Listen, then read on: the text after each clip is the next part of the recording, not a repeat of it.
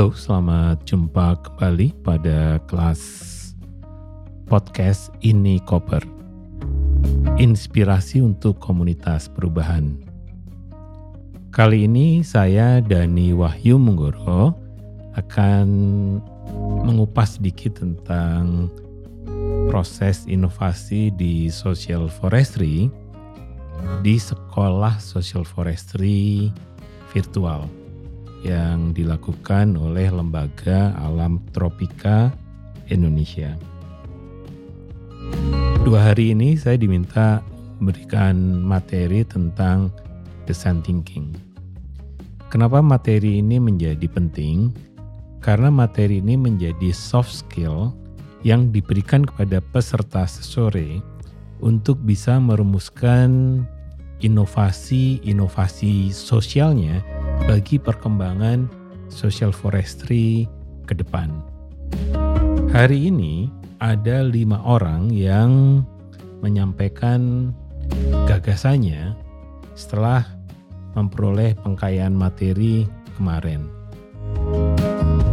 Yang pertama, idenya adalah bahwa relasi manusia dengan alam itu adalah keniscayaan. Meskipun kita tinggal di kota, tetap ada kerinduan untuk bisa berkomunikasi atau dekat dengan alam. Karena itu, tidak heran pada musim liburan banyak orang berlibur ke tempat-tempat wisata yang memiliki pemandangan alam yang bagus. Ide yang pertama disebut sebagai solusi untuk orang-orang kota, khususnya kaum muda, untuk melakukan investasi dalam memperbaiki kekayaan hutan di seluruh Indonesia melalui social forestry. Idenya sederhana, seperti sebuah platform atau startup, maka orang-orang muda yang berduit di kota-kota akan punya kesempatan menyelamatkan hutan-hutan di Indonesia dan juga meningkatkan kesejahteraan masyarakat di sekitar hutan dengan sebuah platform yang memungkinkan mereka melakukan investasi. Ide dasarnya investasi tidak hanya uang tetapi juga bisa tenaga, waktu, jaringan, dan sebagainya. Menarik bukan? Nah, yang kedua, idenya adalah tentang apa yang disebut dengan food lab. Atau ada mantranya yang disebut dengan what you eat. Idenya sederhana, bagaimana sebenarnya pengetahuan-pengetahuan lokal tentang makanan atau pengolahan bahan-bahan makanan itu sebenarnya sudah luar biasa. Dan sangat sehat. Karena memiliki pengalaman yang jauh ke belakang. Nah, idenya adalah bagaimana orang-orang kota itu berusaha untuk makan dari sumber-sumber pakan yang ada di dekat kotanya. Dengan cara ini, kita bisa menyelamatkan segalanya, baik alam, pertanian, maupun masyarakat di pedesaan. Dengan cara ini, masyarakat pedesaan juga akan lebih percaya diri, lebih tangguh, lebih sustainable untuk mengolah bahan-bahan makanan yang sesuai dengan prinsip-prinsip pengelolaan pertanian yang berbasis pada alam. Dengan cara ini, desa dan kota diuntungkan untuk menjadi sustainable rural yang sini sustainable city. Jadi ini yang akan menjadi jembatan bagaimana orang kota itu bisa menyelamatkan pangan-pangan lokal dengan cara mengkonsumsi makanan lokal dalam kehidupan sehari-hari. Nah, yang ketiga, idenya adalah bagaimana bisa menyelamatkan Repong Damar di Krui melalui Festival Repong Damar.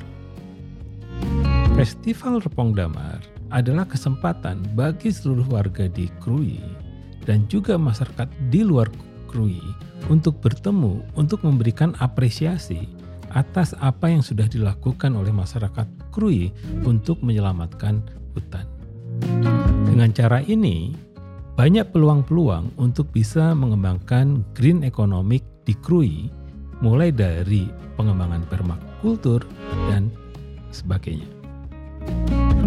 Ide yang keempat adalah bagaimana sebenarnya mengajak anak-anak muda untuk melakukan ekspedisi Siki.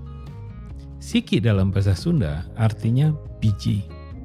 Maksudnya adalah mengajak anak-anak muda sekarang yang sudah akrab dengan YouTube, Instagram, dan sebagainya melakukan pencatatan kembali apa saja yang menjadi kekayaan-kekayaan hayati yang ada di kampung-kampung mereka.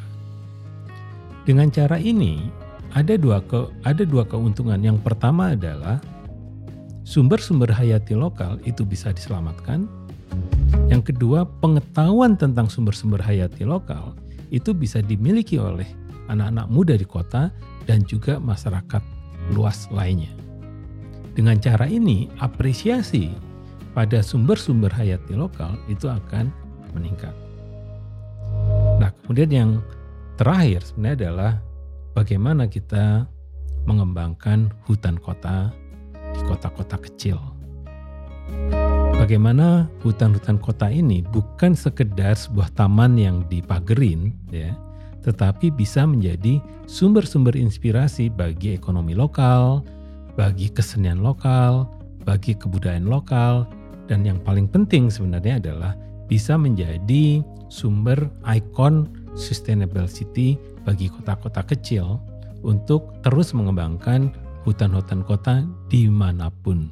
Dengan cara ini, maka masyarakat di perkotaan bisa memberikan apresiasi langsung pada kelestarian dan keberlanjutan hutan di kota. Ada lima ide itu yang sangat luar biasa. Demikianlah cerita ini koper kali ini dan kelimanya sebenarnya adalah ada upaya menjadi sebuah kesatuan ide untuk bisa ditampilkan menjadi ide bersama yang kemudian dibangun melalui connecting, collecting, dan kolaborasi. Demikianlah isi ini koper kali ini. Kami di ini koper selalu percaya bahwa berbagi apa pun akan bermanfaat bagi komunitas perubahan. Sampai jumpa pada edisi berikutnya.